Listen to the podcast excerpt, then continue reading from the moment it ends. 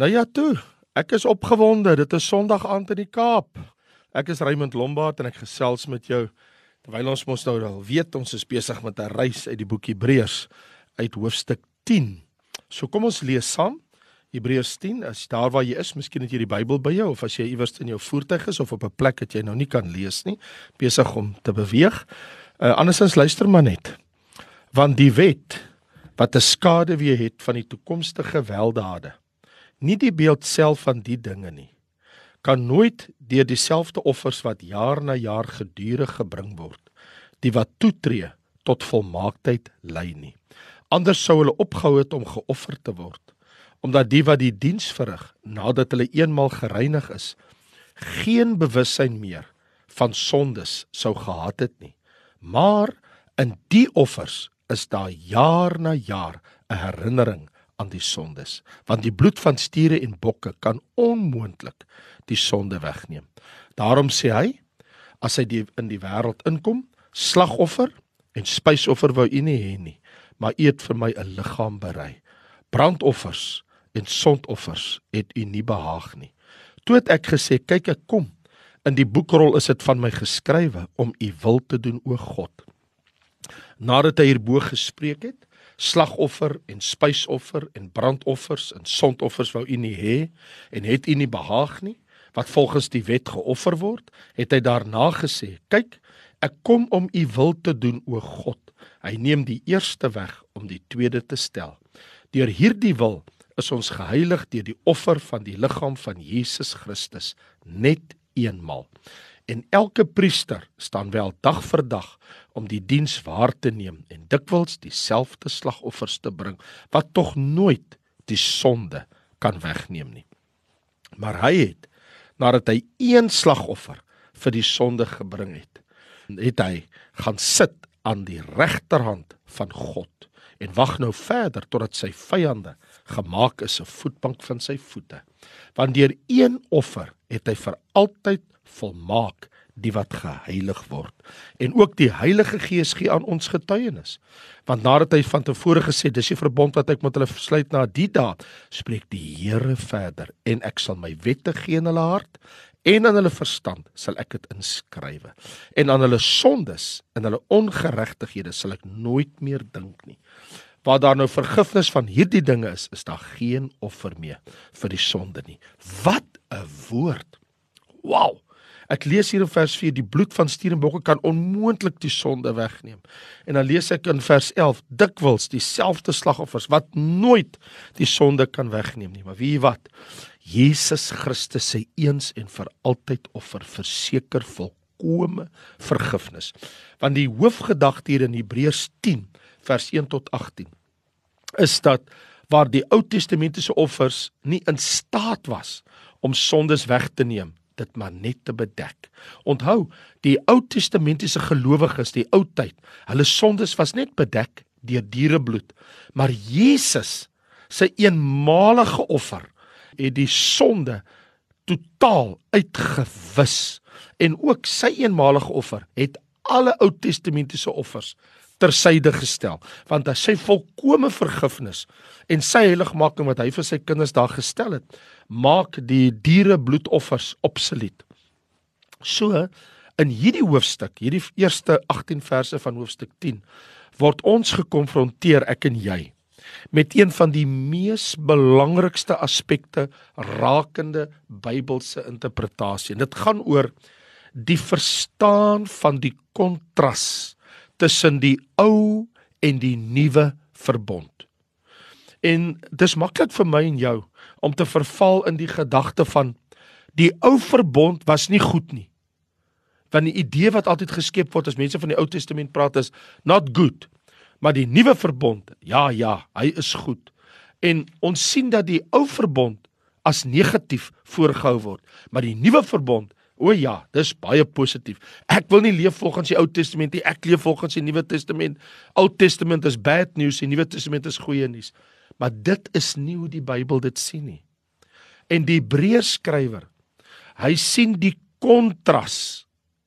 En dit mag jou verbaas Hy sien die kontras tussen die twee testamente. Hy sien nie die een as negatief en die ander een as positief nie. En alhoewel hy skerp kontraste maak en dit heeltemal korrek ook doen tussen die twee verbonde, wil hy nie hê dat ek en jy moet die Ou Testament verag nie. Beide is tog dieselfde God. Die God van die Ou Testament is mos die God van die Nuwe Testament. Beide testamente is tog immers deur God ingestel. So eerder wil die Hebreërskrywer 'n kontras maak tussen die twee verbonde, die ou en die nuwe, deur ons te toon dat die ou, die ou verbond, die Ou Testament roep uit en vind vervulling in die nuwe verbond, die Nuwe Testament. Want die ou verbond berei die weg voor en openbaar dat ons het 'n behoefte aan 'n beter nuwe verbond. So ek wil graag vyf aspekte aan jou beklemtoon hoekom ek en jy dit moet korrek verstaan. 1. Die onvoldoende offers. 2. Die offer wat voldoende is om sonde weg te neem. 3. Die offer wat voldoende is om die Nuwe Testamentiese offers te vervang. 4. Die offer wat voldoende is om volkomeenheid te bewerkstellig en die offer wat voldoende is om totale vergifnis daar te stel. So hier's vyf gedagtes uit hierdie eerste 18 verse van hoofstuk 10 wat ek graag met jou wil deel. En die eerste is as jy baie noukeurig lees, dan ontdek jy die Ou Testamentiese offers was onvoldoende offers. Want onthou, die teks sê mos jaar na jaar wat 'n skade weer was. Ander woorde, as dit voldoende was, hoekom moet dit elke jaar herhaal word? As dit vir eens en vir altyd geldig is, hoekom moet dit voortdurend elke dag, elke week, elke maand, elke jaar herhaal word? Dis hoekom hy stel daar in vers 1 skade wees teenoor die seun. Want wat hy nou doen is hy vestig ons aandag op want hy sê van die wet wat 'n skade wees. Nou die skaduwee van die ou verbond teenoor die werklikheid van die nuwe verbond want al die diereoffers in die ou testament is maar skaduwees voorstellings van die ware bloedoffer hy sê want hierdie offers wat gebring word jaar na jaar is net 'n skaduwee so hierdie skaduwee van die ou testamentiese bloedoffers het die Israeliete laat uitroep na die ware want skaduwees kan 'n mens mos nie na volmaaktheid lei nie hy sê mos daar dat die feit dat die offers herhaal was jaar na jaar lei nie tot volmaaktheid nie. Net Jesus kan lei tot volmaaktheid. Net Jesus se bloed kan verzoening bring vir sonde en ewige saligheid. So die Ou Testamentiese offers was onvoldoende. Dit het net die weg voorberei. Wat dan betref die tweede punt wat ek vir jou genoem het, dat hierdie offer van Jesus was voldoende om sonde eens en vir altyd weg te neem. Hy sê deur die jaar na jaar offers is herinnering want die bloed van stier en bokke kan onmoontlik die sonde wegneem. En daarom sê hy dus, dit is onmoontlik. So in ander woorde, hier is 'n retoriese vraag of stelling en dit is anders sou hulle opgehou om geoffer te word vers 2 maar hulle sou geen bewussin meer van sonde gehad het nie. My sê, mense het nog steeds 'n sondebewustheid. Al bring jy diereoffers, jy het nog steeds 'n bevestiging van dis onvoldoende. Die wet reinig nie 'n mens se gewete nie. Dis hoekom hier in vers 3 in die offers is daar jaar na jaar herinnering. In ander woorde, ek word voortdurend herinner aan my sonde elke keer wat ek 'n offer bring.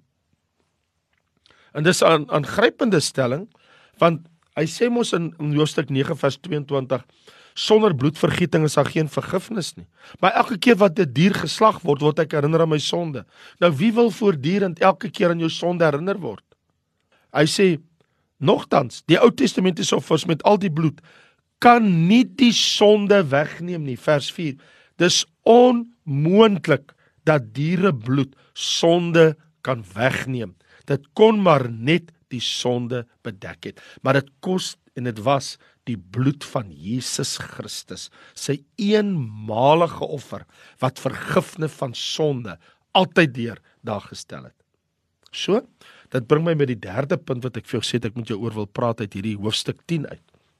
En dit is dat dat die offer wat voldoende was om die Ou Testamentiese offers te vervang. Nou moet jy mooi luister. Vers 5. Daarom sê hy sy in die wêreld inkom, slagoffer en spysoffer wou u nie hê nie, maar u het vir my 'n liggaam berei. Brandoffers en sondoffers het u nie behaag nie. Toe ek gesê ek kom. In die boekrol is dit van my geskrywe om u wil te doen oor God. Daarom sê hy: slagoffer, spysoffer, brandoffer, sondoffer wou u nie hê, het u nie behaag wat volgens die wet nogal geoffer was. Het hy gesê ek kom om u wil te doen. Hy sê deur hierdie wil, vers 10, is ons geheilig deur die offer van die liggaam van Jesus Christus net eenmal. Net eenmal. Net eenmal deur die offer van die liggaam van Jesus Christus. En dit was geprofeteer, nê, in die 40ste Psalm vers 6 tot 8 was hierdie saak van Hebreërs 10 al geprofeteer. Wat sê: U het geen beha in slagoffer en spysoffer, u het vir my gegrawe uh ore vir my. Brandoffer en sondoffer het u nie geëis nie. En ek het gesê kyk ek kom. In die boekrol is dit my voorgeskrywe. Ek het lus o my God om u welbehae te doen en in u wet is hulle binne in my ingewande Ek het 'n blye boodskap van geregtigheid in die groot vergadering om te verkondig. Kyk, my lippe bedwing ek nie, Here, U weet dit. En dus Jesus het na hierdie wêreld gekom om die Vader se wil te doen. Dit dit beteken hy moes sy eie lewe eenmaal neerlê as sy eenmalige offer vir die mens se sonde en dit sou die offers dus wegdoen. So Vader God het nie sy seun gevra om dierebloedoffers te bring nie. Jesus het nie daar gestaan by die altaar en diere geslag soos die priesters nie. Al is hy priester volgens die orde van Melchisedek, hy het dit nie gedoen nie. Hy was self die offer. Die hoofpriester van orde van Melchisedek Christus. Hy het homself geoffer. Hy is ook die laaste offer. Jesus is die laaste offer. Luister wat sê die woord.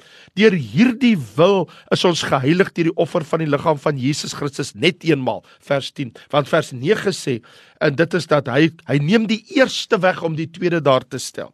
So daar's 'n nuwe verbond. Dit vervang die ou verbond. Die Ou Testamentiese offerstelsel is afgeskaf. Dit is getermineer, dit is beëindig en nou het ons die voortreffelikheid van Jesus, sy eenmalige offer O, wonderlik, goddelik, heerlik om te weet ek en jy ons gewete is gereinig. Ons kan voor die Here staan. Ons kan ons hande uitsteek en hom loof en prys. Hoe goed is die Here dat hy sy seun gestuur het as 'n eenmalige offer. Ek het ook vir jou gesê ten vierde wil ek vir jou iets sê oor die offer wat voldoende was om volkomeenheid aan te bring. Want jy sien, daar staan in vers 11, elke priester staan dag vir dag om die diens waar te neem. Dikwels dieselfde slagoffers te bring wat tog nooit die sonde kan wegneem nie. Maar hy het nadat hy een slagoffer vir die sondes gebring het, vir altyd gaan sit aan die regterhand van God.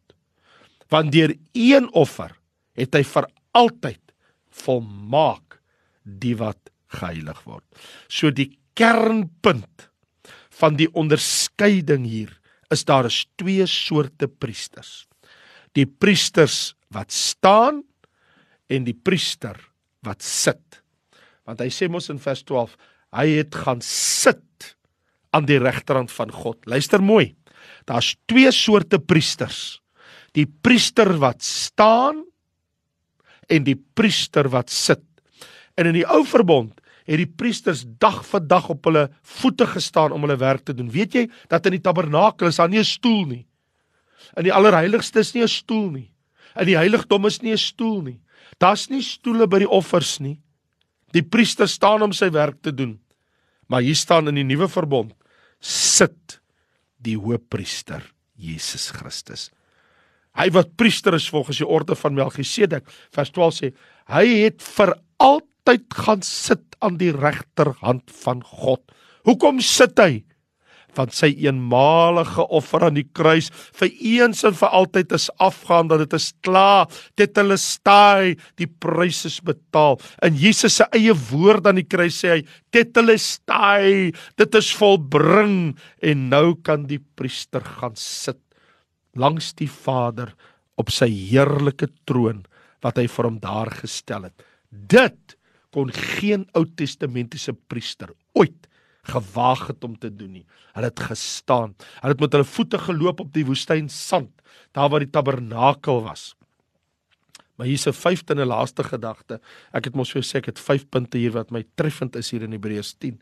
En dit is dat daai voldoende offer van Jesus was so voldoende dat dit totale vergifnis eens en vir altyd daar gestel het. Want vers 15 sê die Heilige Gees gee getuienis Ek sal my wet aan hulle harte gee en hulle verstand en aan hulle sondes vers 17 en hulle ongeregtighede sal ek nooit meer dink nie. Die Here dink nie aan my en jou sondes as hy dit vergewe het nie. Die Heilige Gees bevestig dat onder die ou verbond was daar voortdurend gedink aan die sonde want jy moes elke dag en elke week en elke jaar moes jy die offers gebring word. Maar onder Jesus se offer, vers 18, waar daar nou vergifnis van hierdie ding is, is daar geen offer meer vir die sonde nie. Dit was nie 'n werklikheid vir die mense onder die ou verbond nie. Hulle moes voortdurend offers bring, maar in Christus, in die nuwe verbond, dink God nie meer aan ons sondes nie want Jesus se bloed het nie my sonde bedek nie. Jesus se bloed het my sonde weggewas. Daar's geen nodigheid daar's geen behoefte meer aan offers nie. It is paid it is paid it is paid Maar ek was nogal baie aangegryp toe ek lees in van die vroegste oudste Christelike gedigte wat ons ook in die Engelse letterkunde sien die die gedig van The Dream of the Root. En root kom van die sterk uh van sterk of paal en dit verwys na Jesus se kruis en in hierdie gedig, hierdie ou ou ou gedig word die verhaal van Jesus se kruisiging vertel, maar vanuit die perspektief van 'n boom wat kan praat. En in hierdie geval was dit die boom waaraan Jesus gehang het. Ander woorde die hout van die kruis wat aan hierdie spesifieke boom behoort het. Toe hierdie boom hoor, hy gaan gebruik word as 'n kruis waarop Jesus gekruisig word. Daar staan mos wat in 1 Petrus 2 vers 24 wat self ons sondes in sy liggaam aan die kruis hout gedra het. Letterlik lees ons in 1 Petrus hoofstuk 2 vers 24 wat self ons sondes in sy liggaam op die kruis hout gedra het. Dit is wat Jesus vir jou en vir my gedoen het. Sal ek en jy ter wille van hom ook elke dag ons kruis opneem. Lukas 9 vers 23. Wie agter my aan wil kom, moet elke dag homself verloon en sy kruis opneem. Ja, God het jou vergewe. Ja, jou sondes is weggewas. Ja, eenmal het Jesus gesterwe. Ja, Ons gewete is gereinig. Ons hart is gereinig. Ons verstand is gereinig. Maar ook ja, ook ek moet hom volg want Jesus het gesê, "Volg my." En om hom te volg, moet ek ook 'n kruis dra. Ek het ook elke dag my eie kruis om te dra. Dra jy jou kruis wat die Here vir jou toebedeel het. Vader, ek kom na U toe in die wonderlike naam die kosbare naam van Jesus Christus. Wat 'n boom. Die boom van die kruis. Dat daardie boom moes sy hout gee vir die kruishout waaraan die seun van God gekruisig sou word.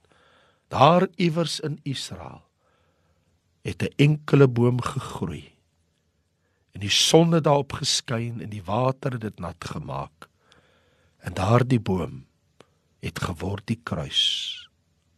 En Jesus het aan daardie boom, aan daardie kruishout sy bloed gestort. Kosbare koningsbloed het gevloei sterwende bloed. Bloed van Jesus oor die hout, die hout van die kruis. Daardie boom is bevlek en dit nat geword deur die Skepper se bloed. En daar het hy vir ons gesterwe. Eenmaal, eens en vir altyd. Sy lewe uitgestort aan 'n kruishout. En nou kom U na ons toe en sê my kind, jy is vergewe. Jy behoort aan my. Ek het jou sondes weggewas eens en vir altyd. Volg my. Here, maar hoe doen ek dit? As iemand agter my wil aankom, sê die meester, moet hy sy kruis elke dag opneem om self verloon en my volg. Gee Here dat ek ook in hierdie dag getrou elke dag my kruis sal opneem en u sal volg tot ek u sal sien van aangesig tot aangesig. Amen.